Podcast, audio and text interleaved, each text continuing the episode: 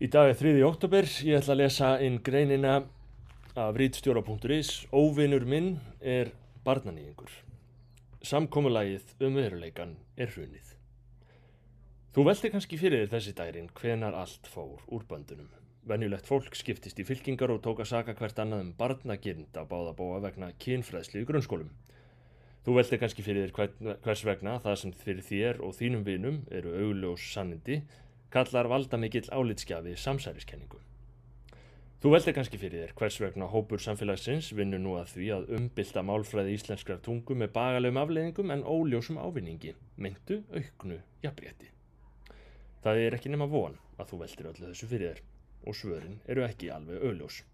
En einhver þeirra kunna þó að leynast í nýlæri greiningu sem bandaríski stjórnmálafræðingurinn Jonathan Asconas hefur gert á skilningi mannsins á veruleikanum á 2001. öld. Asconas heldur því fram að ósköp skýrt sé hvenar þetta fór úr böndurum, nefnilega í mitt með tilkomu internetsins. Nýr kvati. Margar eimsmyndir, ekki ein stór sameinleg. Kenning fræðimannsins er á þessa leið.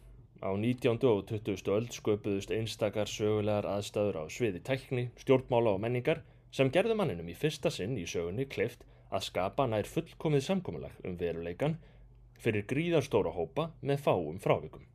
Askonas talar um, á ennsku, consensus reality, þar sem prenttæknin gengdi með sínum bókum og dagblöðum veigamestu hlutverki en það gat fólk vart nálgast upplýsingar um veruleikan eftir öðrum leiðum. Tilkoma internetsins, samfélagsmiðlanir afhjúpa þetta núna en þetta byrjaði fyrir, hefur brotið nýður þær forsendur sem voru fyrir þessu samkomulagi. Dreifingu upplýsinga á sér nú stað með dreifstýrðum hætti manna á milli en ekki með miðstýrðum hætti frá stórum einingum, útgáðufélögum til smáræninga fólks.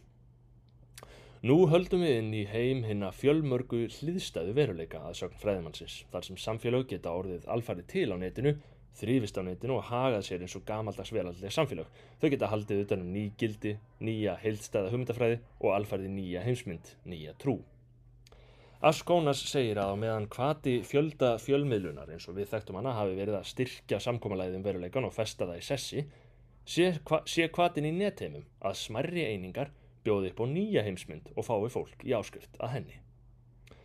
Samkomalag um veruleikan heyrir nú sögunni til samkvæmt Askónas. Það er liftur á horfinni öld. Samkomalagi var ómögulegt fyrir og það verður ómögulegt eftir. Framtíðin er aftur fortíðin, þar sem hver trúir á eigin drauga nema nú finnur hann gögn á netinu sem sanna ótvírætt tilvist hans. Næsti maður segir upplýsingarnar um draugin óvísindalegar, upplýsingaóriðu, falsvirt. Allt þetta er rétt. Kynfræðsla í taumur veruleikum. Greining fræðimannsins vekur vona því að stundum hleypir skilningur ljósin í veröldmanns, en þróunum sem hún lýsir vekur mikinn óta meðal fólks. Við horfum daglega upp á það sem líkist einfallega árekstrum á milli trúarhópa í íslensku samfélagi.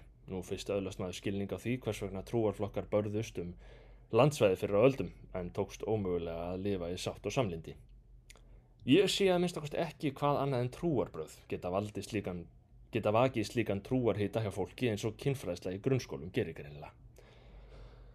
Þegar kynfræðslu plaggöt fór í dreifingu á netinu um daginn var skilningur fólks ólíkur. Blóð heitir andstæðingar fræðslu samtakana 78 í grunnskólum gengur sömur svo langt að í að því að slíkir hópar stundi það sem í bandaríska hærunu er kallað grooming, að tæla fórnalömba barsaldri inn í kynfærisveröld fullorðina í ógeðfeldum tilgangi. Fulltrúar lippana frjálslinda trúarhópsins sem telja þetta skiljanlega ekki marknið fræðslunar fundu ekki yfirveðari ansvör en að saga þessa mótmælendur kynfræðslu um ymmið það sama og þeim finnst svo alvarlegt að verið sé að saga fræðarana um, um að vera einhvers konar barnanýðingar.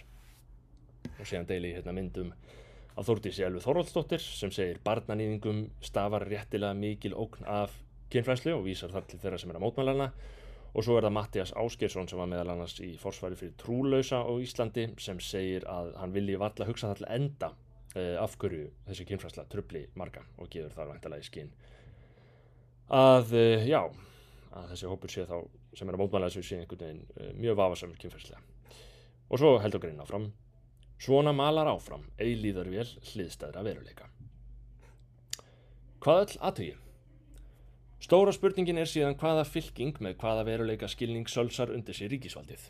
Hver er heimsýnin þar?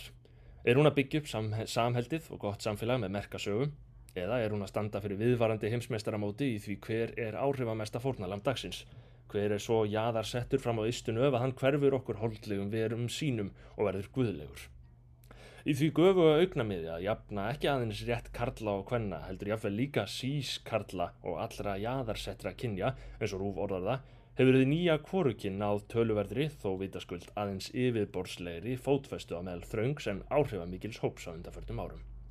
Ekki all, allir heldur öll er grunnmynd þeirrar nýju málhefðar, sum hafa geta vanið sig á að skrifa oftast svona, fá á að gleima því ekki stundum og ekkert á að tala svona. Þótt Rúf hafi leikið leikið hlutverki að breyða út til kynjaða kvorukinn hefur stopnunin æfinlega svarið af sér að það sé vilja verk. Fréttamenn ráði þessu hver fyrir sig. En nú hafa orðið þau tíðindi að fordæmi af sama toga kemur einni frá sjálfri stopnun Árna Magnússonar í íslenskum fræðum. Gísli Sigursson, einn þaulsetnasti fræðimæður stopnunarinnar, skrifaði pistil í laugurdagsútgáðu morgunblassis á dögunum og þar vekur eftirtækt að tekið er upp við nýja korukinn.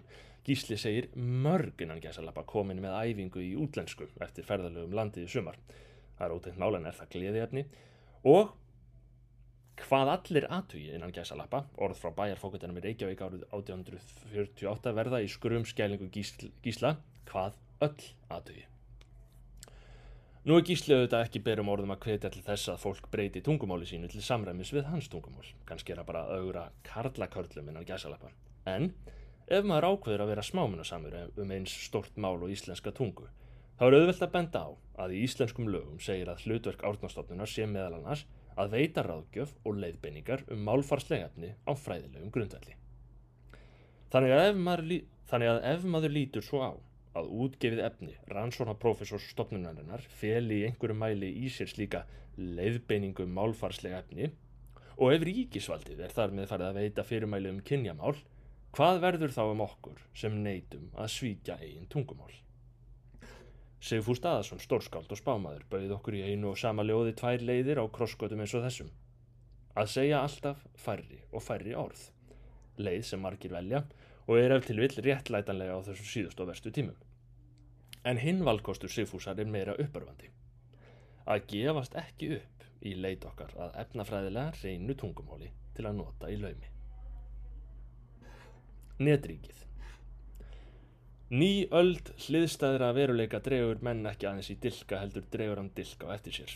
Þetta er ekki bara leikur að skilgrinningum. Að sögn Askónas voru prentvélarnar helsta stóð þjóðríkisinn sem ríkjarskipulags og þegar við slökkum á prentvélinum er hætt við að annað skipulag byggt á nýri tækni taki við.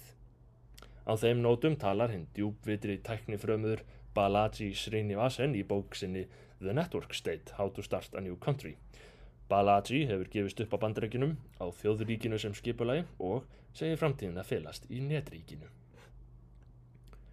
Listakonan Erna Mist lísti í ágættir grein á dögunum vandræðum okkar í allri polariseringunni og skrifinu voru jafnvel auðsinn lofi af mögulegum næsta forman í sjálfstæðisflokksins Þórtísi Kolbrúnu. Inntak greinarinnar er að polarisering sé vandamál og að manni beri skild alltaf bregða sér út úr bergmálshellinum endum og eins. Nendur Balaji hefur annað sjónarhóttn og telur að polariseringin á Vesturlundum sé komin handan fyrirgefningar og hefur sagt að polariseringin sé í raun góð. Hún þýði að minnstakosti að þú getur skipulagt þig. Í draumaheimi gætum við Íslendingar skipulagt okkur, polariseraðir í nokkurn veginn sama liði og áframreint að deila nokkur um grundvallar þáttum í okkar eigin hliðstæða veruleika. Í draumaheimi gætum við komist aftur að samkominnlægi um veruleikan, en eitthvað segir mér að þessi vegur að heimann sé ekki vegurinn heim.